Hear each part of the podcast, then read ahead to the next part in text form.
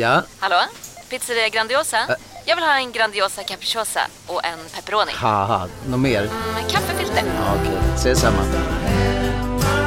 Grandiosa, hela Sveriges hempizza. Den med mycket på. Upptäck hyllade XPeng G9 och P7 hos Bilia. Våra produktspecialister hjälper dig att hitta rätt modell för just dig. Boka din provkörning på bilia.se xpeng redan idag. Välkommen till Bilia, din specialist på X-peng. CSRD. Ännu en förkortning som väcker känslor hos företagare. Men lugn, våra rådgivare här på PWC har koll på det som din verksamhet berörs av. Från hållbarhetslösningar och nya regelverk till affärsutveckling och ansvarsfulla AI-strategier. Välkommen till PWC.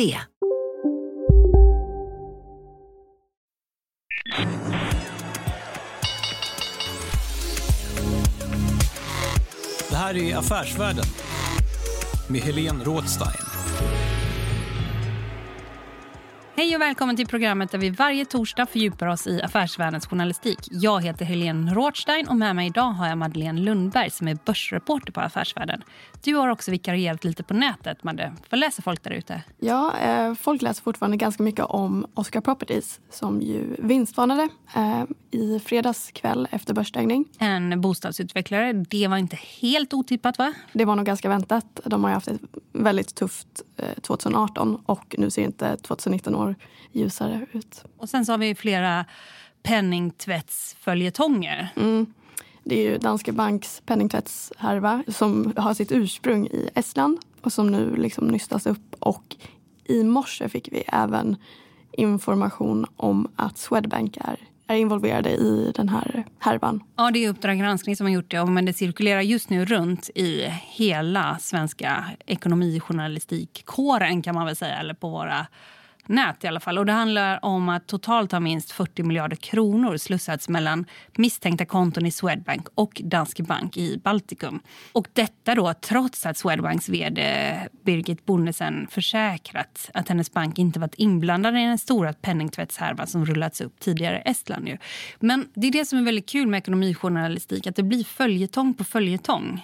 Alltså, det som händer i en bank, här, Danske Bank, man vet aldrig hur det här kommer förgrena sig.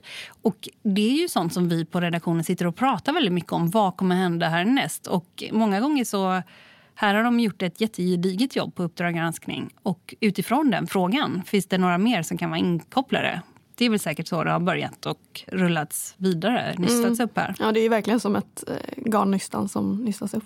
Och sen så har vi också Analys Plus på nätet som ni på Börsredaktionen håller på med. Vad gör ni egentligen där? Ja, vi uppdaterar ju dagligen där. Framför allt är det ju då våra portföljer som vi har tre stycken. Småbolagsportföljen och det är Nordiska värdeportföljen och det är avkastningsportföljen. Avkastningsportföljen, alla portföljer ska ha avkastning eller? Det stämmer ju. Avkastningsportföljen syftar kanske lite mer på direktavkastning. Så det är utdelningsaktier som som ska finnas i den portföljen. All right. Ehm, du, eh, den här veckan har du fördjupat dig i nischbanken Collector. Du satte aktierådet Vänta, eller hur? Ja, det gjorde jag. Aktien har ju fallit under tre år och, och frågan är väl helt enkelt om den har bottnat nu. Eh, jag ser inte någon trigger i närtid och, jag ser liksom inte vad som skulle kunna få kursen att stiga eh, härifrån. Och Helene, du har ju suttit och redigerat tidningen hela veckan. Eh, är det något som du har fastnat extra för? Det är flera saker jag fastnar för i tidningen. Alltid måste jag säga. Men jag tycker Johan Anderberg skrev en ganska tänkvärd artikel som handlar om att Sverige har fått ett ökat utbud av billig arbetskraft och att det kanske är någonting som marknaden kan lösa på egen hand. Så har ju inte arbetsmarknadens parter resonerat riktigt. Men, eh, utan de har bråkat otroligt mycket om det här och eh, faktiskt, jag intervjuade Carola Lemne, den förre vd för Svenskt Näringsliv för några år sedan. Och eh, det var ju helt tydligt hur osams de var med LO och Socialdemokraterna kring just begreppet enkla jobb, hur man ska få in nyanlända på den svenska arbetsmarknaden. Och teorin då om att marknaden kanske kan lösa det här på egen hand, ja, men den är ganska tankeväckande tycker jag. Ja, men det får man läsa i tidningen helt enkelt, eller på sajten. Bland mycket, mycket annat.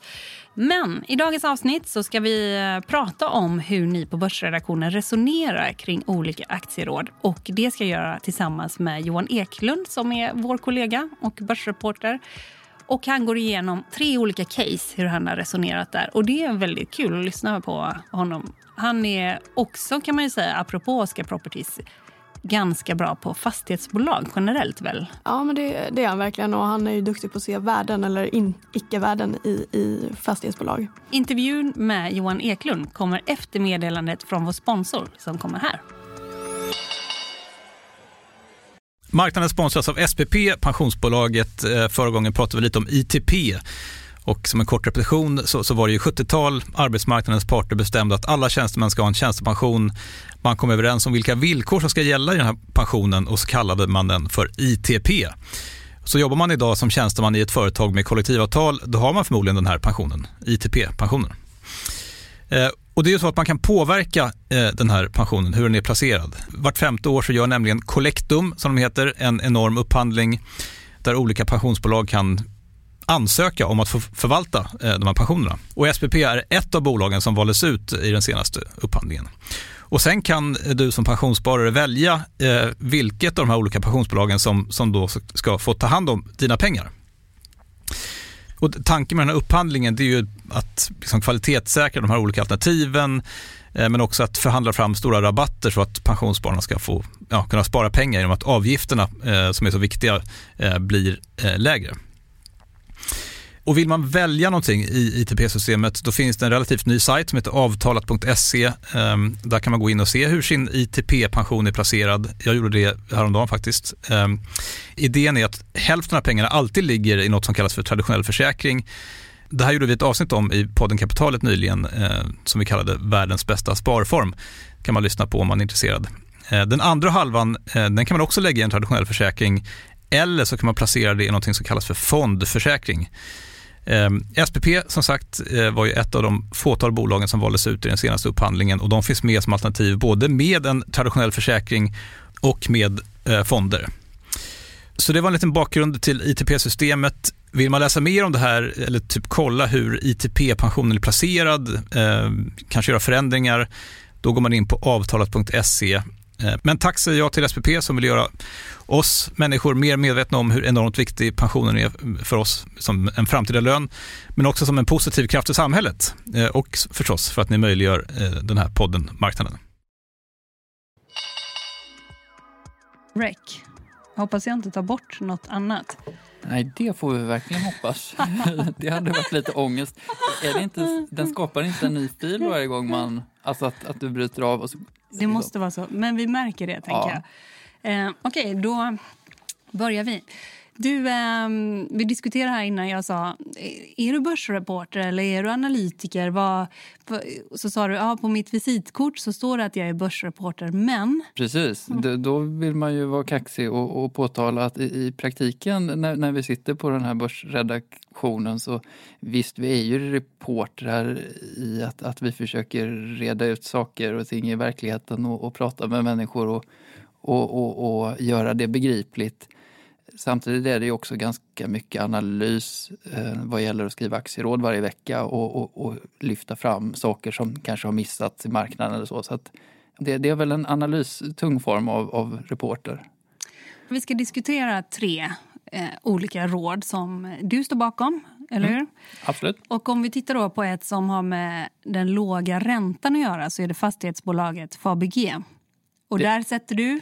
Där sätter vi sälj eh, för, för andra gången efter att ha, ha haft helt fel för ganska exakt ett år sedan med i princip samma säljidé. Men idén är intakt, verkligheten har, har motbevisat den i det korta loppet. Vi, vi presenterar lite för de som rör sig innanför tullarna först och främst så får du ta det vidare sen då. För eh, Fabege de har bland annat skapat en eh, ganska levande stadsdel eh, vid eh, Mall of Scandinavia kan man säga.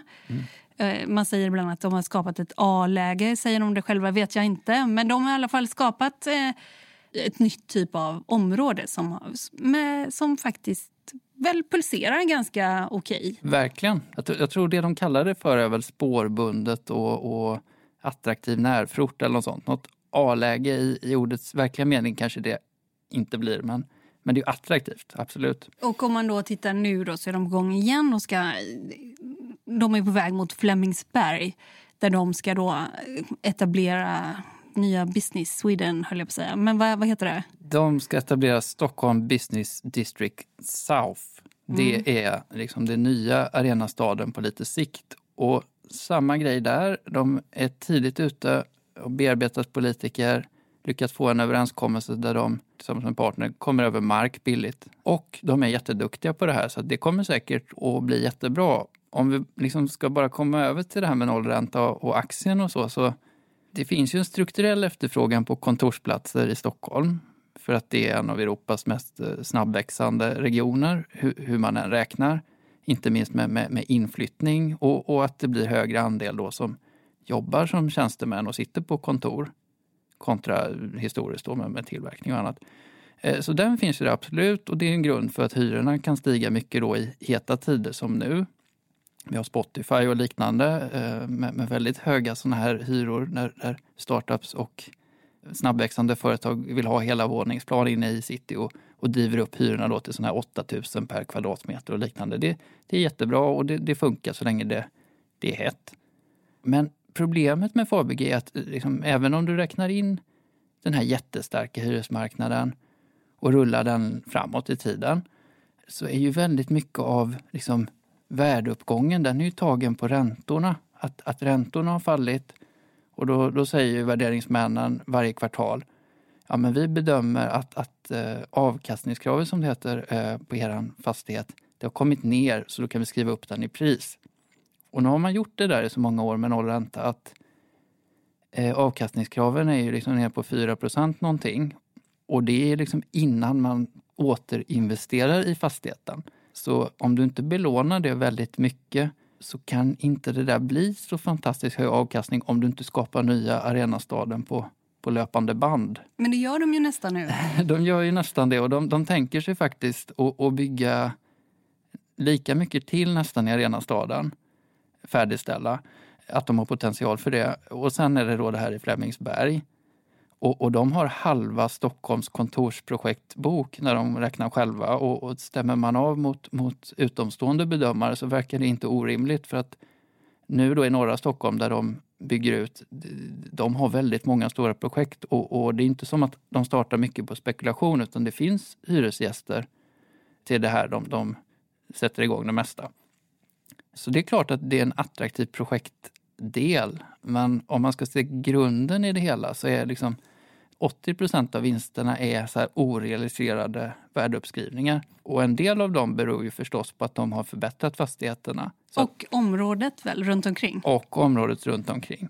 Eh, men väldigt mycket av dem beror ju på att investerare, typ pensionsfonder, inte har eh, några bra placeringsalternativ. Så då vill de hellre köpa en Fabege-fastighet med, med ett långt hyreskontrakt eh, med, med, med, en statlig myndighet eller en storbank och då kan de acceptera väldigt låg avkastning och, och väldigt högt pris på fastigheten. Och det funkar ju bara så länge räntorna är låga och pengar är väldigt eh, billiga. Men är detta unikt för Fabege? Att man... Det är inte unikt för Fabege, men Fabege kombinerar ju det här med Stockholmsmarknaden som är extra het. Stockholmsmarknaden har ändå en viss eh, svängning i hyresnivåer och vakanser över tid. Sen kanske inte det kommer nu 2019 att, att det kommer uppstå massa vakanser. Det är ingen som tror. Men om man tänker en aktie är någonting som ändå i fastighetsfallet då så ska byggnaderna stå där och tjäna in pengar 50 år framöver eller något. Så en aktie är inget man ska värdera på nästa års momentum eller rörelse i, i hyresmarknaden utan man ska tänka det långa perspektivet. Och i så fall köper man idag in sig på liksom en oerhört het eh, hyresmarknad, en oerhört het Eh, ja, överhettad finansieringssituation med nollränta och en het investerarmarknad där alla skriker efter sådana här fastigheter. Så skulle man liksom lägga ner eh, Fabege, vilket ingen har sagt, men om man skulle plocka isär det och, och dela upp det på andra som vill spekulera i fastigheter och göra det imorgon så skulle det säkert gå att räkna hem dagens aktiekurs och lite till. Eh, men, men ur mitt perspektiv så kommer Fabege finnas kvar och drivas som det gör idag och, och vara framgångsrikt på det. Och, och då är det svårt att räkna hem det här om man jämför med börsen på lite sikt. Många fastighetsbolag de säger kassaflöde, kassaflöde, kassaflöde. Ja. ja hur är det i Fabeges fall? Det kanske de säger att det är viktigt att ha ett grundkassaflöde men om du tittar på hur aktien är värderad så är den värderad eh, till största delen på att, att fastigheterna är, ska vara attraktiva och att de ska lyckas med sina projekt. För grundkassaflödet är som sagt, du får betala 25 gånger det nu. Så även om du räknar in att det växer våldsamt i många år framåt så kommer det ta väldigt lång tid innan du kan kalla det här för ett kassaflödescase. Till skillnad från, kan du nämna något annat om, fastighetsbolag? Om vi nämner något annat fastighetsbolag så kan vi ta Eastnine i, i Baltikum. Där kan du få 7 eh, direktavkastning på, på centrala eh, fina då, motsvarande Fabege-fastigheter. Och i Fabege får du bara 4 är då Baltikum ungefär dubbelt eh, så riskfyllt? Och då, då ska man tänka på att, att det säger inte heller något om nivån. Det där är pengarna du får. Jag skulle gissa att Baltikum har bättre utsikter att öka sina hyror från, från jättelåga nivåer än vad Fabege har i, i procent framåt. Och vad skulle få dig att ändra till köp? Det skulle ju vara om Fabege bygger hela den här projektboken som de tänker göra. Säljer jättedyrt till pensionsfonder Eh, alltså utnyttjar läget som är nu och helt enkelt bygger en, en liksom defensiv pengapåse eller en, en, ett utrymme för att kunna köpa nästa gång marknaden är svag. Alternativt då om Fabege faller till 75 kronor, vilket skulle innebära ett rejält kursfall från dagens 130. Då får man ganska bra eh, kassaflöde, eh, rimlig peng och sen får du hela det här projektet på, som en bonus då får du liksom någonting eh, på köpet. Det, det är det här med att skilja bra bolag eh, från kanske emellanåt dyr aktie då. Ja. Mm. Det, mm. det, det, här tror jag är ett sånt fall. Mm. Bra bolag, dyr aktie. Konjunkturen i världen har ju börjat visa tecken på att ge vika. Men var tar världsekonomin och börsen vägen efter det här? Det är en av frågorna som pensionsbolaget Skandia ställer i vårens placeringsutsikter. Det är en rad artiklar där Skandias förvaltare målar upp en bild av läget i världsekonomin. Och de menar att bland annat både ekonomin och börsen hänger lite på en tråd. Så här säger Skandias makroekonom Johan Lundqvist. Men vi har sedan ett tag tillbaka haft en generell avmattning i den globala konjunkturen och vi ser det både inom industrin och vi ser det också i en hel del konsumtionssiffror. Här på slutet har i synnerhet Tyskland stått i fokus där det nästan är att beskriva som en tvärnit i ekonomin här under vintern. Eh, totalt sett så handlar det fortfarande om en ganska måttlig inbromsning i världsekonomin och vi, vi ser goda förutsättningar för att det kommer att kunna stanna där också. Men då behöver vi ganska snart börja se tecken på att också faktiskt stabiliseras. Eh, för annars finns det risk för att vi får nya börsnedgångar och det spär i sin tur på osäkerheten ytterligare och riskerar att skapa en, en ond spiral. Så det börjar, börjar brådska med goda nyheter just nu. Poängen med Skandias placeringsutsikter är att du ska få hjälp att fatta smarta, långsiktiga placeringsbeslut. Du hittar hela materialet på www.skandia.se placeringsutsikter. Du lyssnar på Affärsvärlden med Helene Rådstein. Eh, du har också tittat, apropå då billig och dyr, ja. så har du ett köpråd och det är på Europris, vi norska lågpriskedjan. Vi har eh, haft köpråd på Europris i tidningen och nu har vi den i två av tre Affärsvärlden Analys Plus eh, portföljer, modellportföljer. Berätta, Analys Plus. Affärsvärlden Analys Plus är ju något som vi har dragit igång i slutet av 2017 men det är först nu som vi har börjat ta betalt för det och det är en digital eh, liksom tilläggsanalystjänst till det vi gör på börsredaktionen. Så det, vi pratar om eh, unika analyser och, och framförallt eh, börsspaningar och, och börsdata, bolagsdata som, som vi vill få ut i en, en ganska fri och, och, öppen kanal för våra prenumeranter. Så det är något för de, de, de mest börsintresserade Affärsvärlden-läsarna. Och mer information om detta finns på? Affärsvärlden.se givetvis. Ja, ja, det är bra. Och eh, Europris då? Europris, ja. Europris är ju som sagt det, det är ett tidningscase. Om man bara ska dra bakgrunden kring det så, så är det ju eh, det är ett lågprishandelskoncept och det, det kallas ju för dollar stores i, i USA och, och, i Sverige kallas det kanske för ÖoB och Rusta. Det är inte exakt dollar stores, men det är lågpris. Ehm, och det har funnits sedan 90-talet, men, men det är först på 2000-talet som de har haft riskkapitalägare. Den sista var Nordic Capital.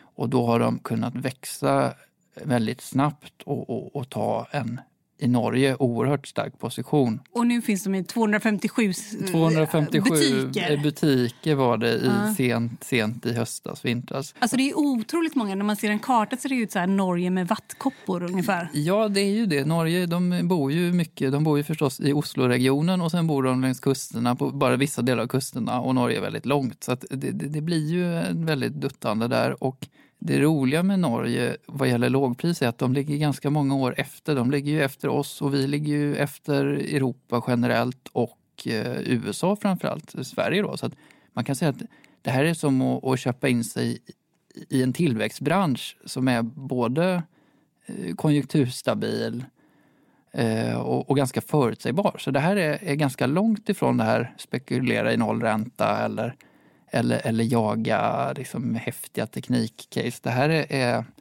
nästan tråkstämpel och, och, det tycker jag är väldigt bra. för att Kan du köpa något med tråkstämpel till, till låg värdering, det, det blir väldigt förutsägbart att du sannolikt kommer kunna tjäna pengar på det. Men om man tänker då som det finns en slogan priset gör skillnaden som man sett på ja, tv. Så de ska, ju, de ska ju gå in här och så har de köpt eh, just nu 20% av ÖoB.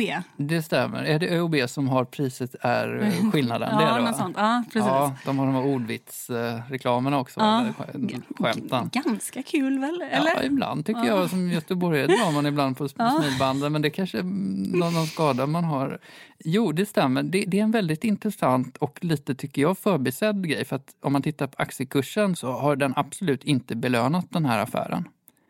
Men om man ska summera det så förra året då så tecknade Europris en överenskommelse med Runsven-gruppen som äger svenska ÖoB. Och då ska Europris i steg kunna köpa hela ÖoB. Och det roliga med affären då är att ÖoB har haft både problem lite med tillväxt men framförallt med lönsamhet. Så att ÖoB har liksom inte jättebra rykte just nu i finanskretsar. Men det har ju också en väldigt stor potential från den här affären för att det här är en, en volymbransch. Så att det de gör då kan man säga i steg. Det första som redan har skett det är ett sånt här inköpssamarbete. Att de helt enkelt fogar samman enorma inköpsvolymer i Asien och då får eh, bättre pris. Eh, och så kan de sälja samma grejer i Sverige och Norge och tjäna mer pengar på varsitt håll. Och det är ju förstås bra. Och ett, ett sådant samarbete ska sägas, det har eh, Europris även i Finland med något som heter Tokmanni. Eh, men om vi ska komma till ÖoB-affären då, så då först då inköpssamarbete. Det, det är liksom steg ett. Så ja. det är väl lite så här, lä, lära känna varandra period och, och, och, så. Och det, det, det är ju, för Europris aktieägare är ju det väldigt bra. För visar det sig att de här ledningarna trots bästa då intentioner inte kommer överens så går det ju att dra sig ur det här. Mm. Steg två då, som, som är, kommer att ske nu, då får Europris köpa 20% av ÖoB, av Runsvärngruppen. Eh, Europris kan ju betala dem i aktier då, vilket de får incitament att göra. Så att Europris betalar en låg multipel, en låg värdering på ÖoB. Men ÖoB-ägarna kommer sannolikt att få aktier i sammanslagna Europris ÖoB. Liksom ett plus ett blir tre i det här fallet kan man säga.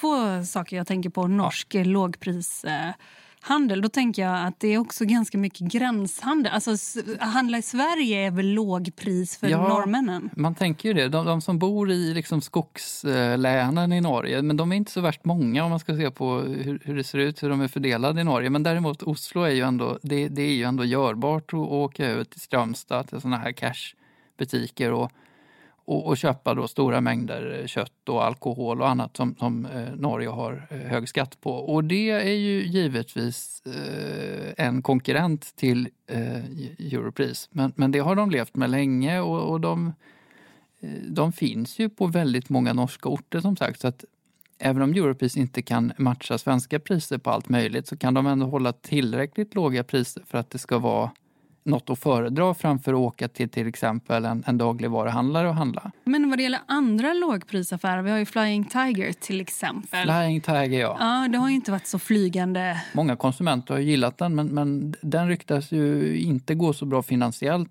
Och, och det, det ska jag säga, Flying Tiger är ju, om, om du går till Europris så kanske du gör det för att bunkra tvättmedel eller någonting. Det är ändå en del av din vardag som, som konsument i Norge. Mm. Flying Tiger kanske man går till för att spendera lite småpengar på. Och nu har du satt liksom en köprek här, men om man ser då på nätet och e-handel mm. så känns det ju ibland som att allt det som är väldigt trökigt, ja. om vi ska prata som man gör på västkusten, ja. det, det beställer man kanske mer och mer hem från nätet. Är det de här ja. 257 butikerna, liksom, är det en framtid? Mm. De har ju i ärlighetens namn inte kommit så långt med e-handel och eh, det är lite roligt det där för e-handel av matvaror är ju oerhört hett i, i startup-kretsar och så vidare. Man har haft lyckade exempel då på utköp. Där var Mat.se köptes av eh, Axfood och, och ICA eh, gör en egen satsning på olika e-handelskoncept. Men om McKinsey har tittat på det där, om man ska se lönsamheten på mat på internet som det ser ut idag eh, med dagens fraktkostnader så är den oerhört låg eller negativ. Så att du måste vara typ ett ICA eller något liknande för att, för att få det att gå runt.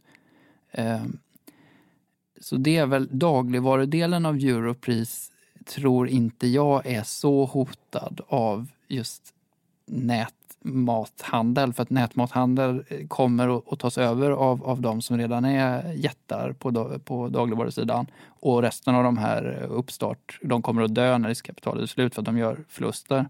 Däremot på, på övriga sortimentet, på, på, eh, vi kan säga på kosmetika, schampon eller någonting. Det är självklart att, att en, en duktig spelare där skulle väl teoretiskt kunna bli ett hot. Eller en enorm spelare. Tänk mm. ett Amazon.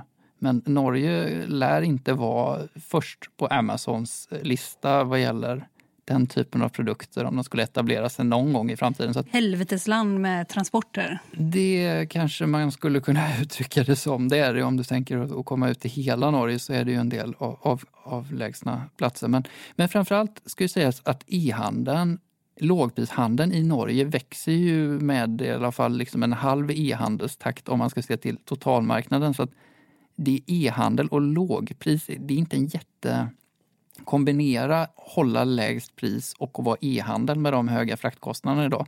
Det, det, funkar liksom inte om du ska få en bra avkastning. Så att de eventuella investeringar som görs i det görs ju baserat på att frakten i framtiden ser helt annorlunda ut. Eller så baseras de på på någon slags förlustkalkyl där du ska konkurrera ut. Och jag tror inte du konkurrerar ut Europris 260 butiker så lätt. När får vi se första Europris i Sverige då? Eh, de har försökt tidigare och misslyckats eh, någon gång. För, eh, eh, jag tror, nu, nu, kan jag minnas fel, men det var, det var någon gång på 2000-talet.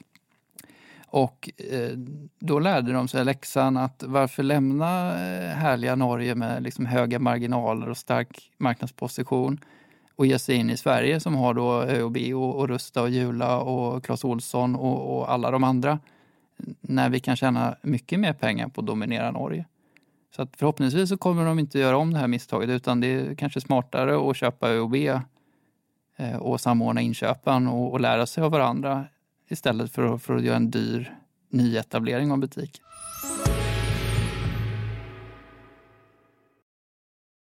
Eh, marknaden sponsras av Karla. Eh, vi pratar ju en hel del om bilar här på kontoret. Eh, karla har ju skapat, skulle jag säga, det som är standarden för hur man idag köper och säljer bilar på nätet. Kort bakgrund bara. Karla säljer och leasar begagnade elbilar och laddhybrider på karla.se. Alltså en helt digital upplevelse. Och man har gjort det här med ett nästan maniskt fokus på vad en bilköpare faktiskt behöver. Jag gjorde ju en intervju med en av grundarna, Patrik Illerstig, i marknaden här eh, ganska nyligen, eh, daterad 25 mars, om man vill lyssna på den. Eh, men där berättar han hur de kom in i det här lite från vänster för att försöka uppfinna hela den här liksom bilköpupplevelsen från början. Och de har idag, vilket är rätt otroligt, 4,8 i betyg eh, på Trustpilot. Jag, jag har sett många företagssidor på Trustpilot, men det här är nog bland eh, det bästa jag någonsin sett faktiskt.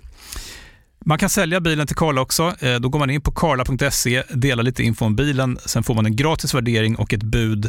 De hämtar bilen helt gratis i hela Sverige och så har man pengarna på kontot i samma stund som de hämtar bilen. Det är grymt. Eh, så ska du köpa en ny bil eller sälja din gamla, eller båda delar för den delen, gå in på karla.se och eh, kolla. Alltså karla.se och Karla stavas med C. Tack så mycket till Karla.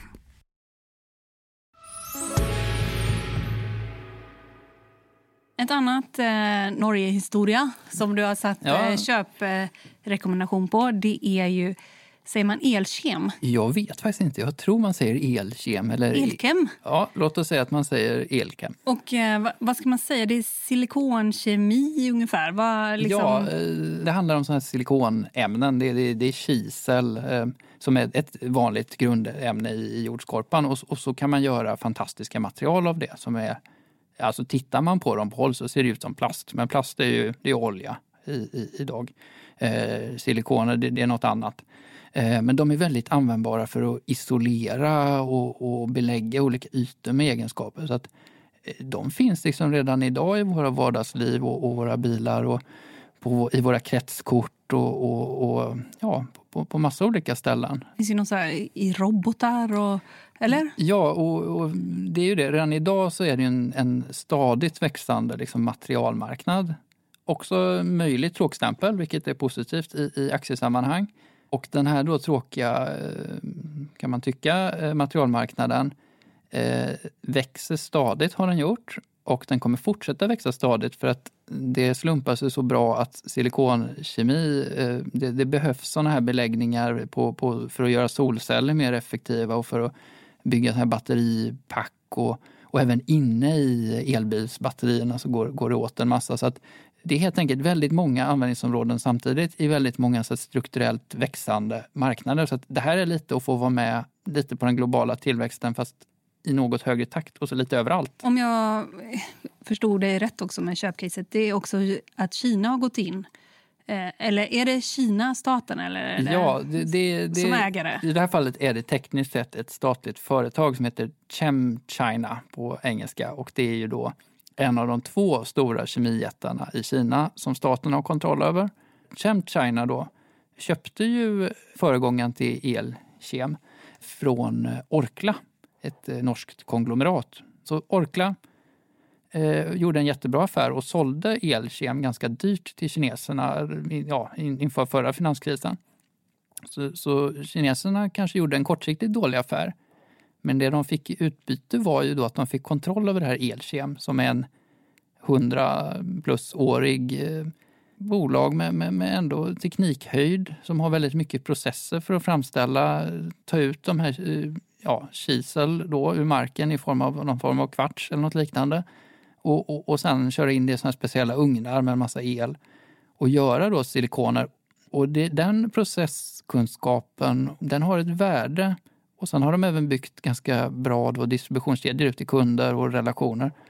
Så att vad kineserna har gjort då som huvudägare det är ju att stoppa in historiskt sett inte lika effektiv produktion Eh, i Kina då har ju Elkem helt enkelt fått instoppat i så att de har ju volymmässigt blivit mycket större och kunnat tillämpa det här Elkem-tänket eh, och Elkems kunskaper och överföra en del kunskaper till Kina som är, idag är där silikonmarknaden växer, där liksom utbudet växer. De in, dels då görs ju väldigt mycket prylar i Kina och sen skeppas runt om i världen.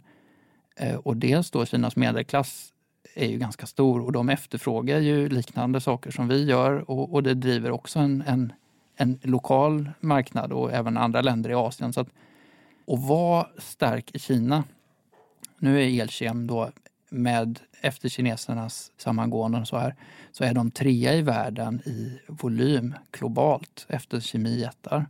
Men i Kina är de absolut störst. Och särskilt om man rensar bort bolag som inte har någon teknikhöjd som Elkem, ur Elkems perspektiv inte har den här hela kedjan.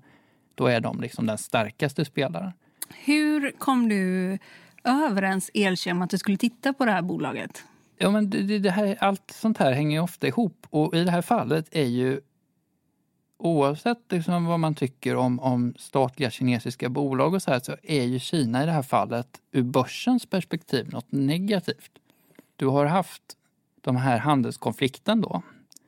Och där har ju börsen valt att sätta ner kinesiska exportsektorer och så vidare mycket mer än motsvarande i väst. Och då tänker man så här, ja men hur... Du har noterat ett fortfarande majoritetsägt av kinesiska eh, statliga ChemChina. Du har noterat det på Oslobörsen eh, då, nu ska vi se om det var sent 2017 eller något liknande. Så utbryter de här eh, handelskonflikten eh, och det blir en väldig oro och så här. Det är ju aktiemässigt en ganska jobbig miljö för då får du en väldigt tydlig så här Kina-risk som är lite oklar. Och då säljer då kanske börsen emellanåt säljer ner det mesta som har någon Kina-koppling. Och då kanske man förbiser i det här fallet att, att den här silikonmaterialaffären som är eh, Elkem ändå har en stark historisk och framåtställning inom, att den är ganska attraktiv. Även om den då förstås påverkas jättenegativt på kort sikt av, av att handelsmönstren ändrar sig. Och, och Kinas ekonomi diskuteras ja. ju verkligen. Ja, ja verkligen. Och det roliga då om man räknar på det här så så blir det så att även om man räknar in en normal konjunkturnedgång och, och att det blir störningar nu då, att det här blir ett, ett, ett dåligt eh, 2019 har jag räknat in i det här estimaten och så. Men om man räknar med det och sen försöker normalisera ut det här så är det här ett ganska välskött bolag i grunden. Det värderas till så här runt om det är sex gånger eh, vinsten. Det, det är jättelågt. Du kan inte köpa eh, ett, ett så här starkt eh, materialbolag med sån här teknik i väst. Du kan inte köpa det för sex gånger vinsten. Du får betala det dubbla där upp kring. Eh, och det är inte ens säkert att, att värderingarna på dem i väst är rimliga. De kanske också är för låga om man tänker att du har den typen av marknadsposition. Så att det här är jättebilligt om man vågar ta någon som helst Kina-risk. Så det här, om man tar Europris då som någonting eh, väldigt förutsägbart och, och, tråkigt så är det här kanske tråkigt men lite läskigt mer om man tänker i termer Kina, liksom halvstatlig storägare. Men jag tror ändå det är bra det här. Riskjusterat så borde det här kunna bli jättebra om man, om man vågar köpa och, och behålla det. Vad, eh, jag förstår att du inte kan säga vad du tittar på nu för någonting. Men finns det något, kan du säga någonting om eh, men inom den här sektorn så kollar jag just nu. Eller det här är något som liksom... Man får ju inte bli för ensidig så man kan ju inte bara ha som sin grej och, och, och leta eh, leta efter Ränteexponeringar. räntespöken. Då. För att skulle man bara göra det och, och, och sen visar man sig ha fått fel eller att, att verkligheten då följer ut på ett annat sätt. Eh, det blir ju ensidigt. Så att Däremot kan man ju beakta det att i sådana här tider när man har haft en extremt stark börs, hur man än vrider och vänder på det, så har det varit en extremt stark börs under väldigt länge.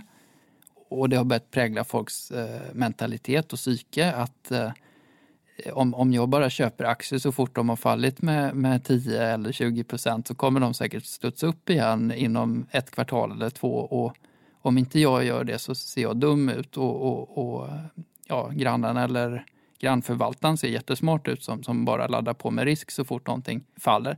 Om, om man bara försöker, man struntar i det och så tänker man istället men vilka bolag och branscher kan ge en bra avkastning oavsett vad som händer med räntan. Man försöker hitta vet, lågvärderade bolag vars eh, intjäning inte beror på en massa överskuldsatta beteenden i väst. Och I mitt fall just nu då så, så blir det att för, för, för att ställa mot de här eh, nollräntemiljön för, för att kunna ändå rekommendera någonting köpvärt på börsen så får det bli lite tråkiga, stabila saker. Så då, då hamnar vi i Europris eller möjligen då om man vill ta lite risk. Då kanske man i tillväxtmarknader ska jag säga, det är faktiskt intressant. Och tillväxtmarknader, du Precis. snackar... Tillväxtmarknader, då snackar vi det som hette BRICS eh, förra cykeln. Ah, Om- kommer du alltså, ihåg det? Ja, men kan man säga det? Kan man klumpa ihop Nej, dem? det, jag tycker Nej. det är helt eh, konstig ihopklumpning. Ja. Där har du helt olika Ja. dynamik. Du har Indien då som, som är jättehögt värderat och som, som alla trott på nu då med nya presidenten. Och så har du Ryssland då som ingen tror på och som alla tycker är någon slags skurkstat. Och, och Brasilien som har... Och, och Brasilien, de har, ju, de har ju faktiskt vänt upp i år. Det är en av de starkaste, starkaste börserna de senaste månaderna. Ja, ja är Eh, det? Ja, det är kul. det. Ja. Det är kul för dem, för de har haft det jättejobbigt där med korruption och, och, och det handlar ju egentligen om utländska investerares syn på landet. Det handlar ju kanske inte alltid om exakt vad som sker i ekonomin utan det handlar ju om förväntningarna på som Brasilien eller Ryssland är ju väldigt låga. Mm. Och eh, som sista då, C eller K så är det ju Kina då. Ja. Och det är helt... Alltså, eh, Ja. Det går väl inte numera att klumpa ihop dem? Nej, nej, Nej, nej. Bri- Brixet eh, tycker inte jag funkar. Men Nej. om man bara bryter ner världens lite större tillväxtmarknadsbörser och så, du, du hittar ju många av de absolut billigaste på börsnivå är ju där utåt. Det är ju förstås Ryssland, det är ju förstås eh, Erdogans Turkiet. Men det är Mm. även ganska, Kina är inte så dyrt. Även ganska ändå hybrid öst-väst om man tänker Singapore och liknande. Det är ganska billiga aktievärderingar. Men det finns ju någonting som är lite risky med långt bort i stan med saker man inte förstår sig på alltid. Alltså, eh, man kanske kan Det förstå sig det. på någonting men långt bort i stan, det finns ju en risk med långt bort i stan. Det gör det och dessutom om man, om man investerar då som, som vi, våra råd och så baseras ju på bolag som är är noterade i Norden så är det inte säkert att det urvalet av de bolagen som har exponering att det speglar hur det ser ut där borta om man skulle gå till eh, börser i Kina och, och leta själv. Så det är klart att det finns en, en rädsla då för, för det som, som upplevs som, som långt ifrån vårt västsamhälle men det är inte alltid det är sämre institutioner och, och sämre skötta företag bara för att det är annorlunda. Man får, man får försöka bara fatta en grov bild av, av det. Men, men poängen är att om något är tillräckligt lågt värderat så kan du ta ganska mycket av den typen av risk. Att, att det känns främmande och lite osäkert och du inte riktigt förstår spelreglerna på plats. Jag har ju något köpråd på något som heter Ferronordic. Det är ju en Volvo anläggningsmaskinhandlare i, baserad i Ryssland av tidigare Volvo-chefer. Och det är ju sånt där bolag som är, har jättefin utveckling, jättefina siffror. Men Mm.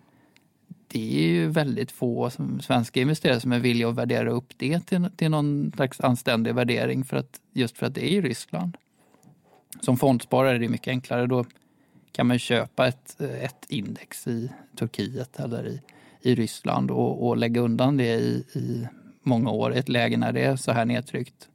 Och bara man inte är där och, och, och stirrar på, på den eh, ibland då röda siffran dagligen så kommer det att kunna bli minst lika bra som att köpa amerikanska aktier när de är på en jättedyr nivå som de är nu. Johan Eklund, tack för att eh, du var med i Affärsvärlden-podden. Ja, man tackar. Och eh, vi eh, kommer se dig på vilka plattformar då? Vi ser ju mig förstås i tidningen och på Twitter och på Analys Plus på, på sajten. Kul. Tack. Tack. Du har lyssnat på en podd från Affärsvärlden. Jag heter Helene Rådstein. Mer fördjupande journalistik om näringslivet finns både på nätet och i Sveriges äldsta affärsmagasin. Du hittar oss enklast på affärsvärlden.se. Podden är tillbaka om en vecka. Hej då!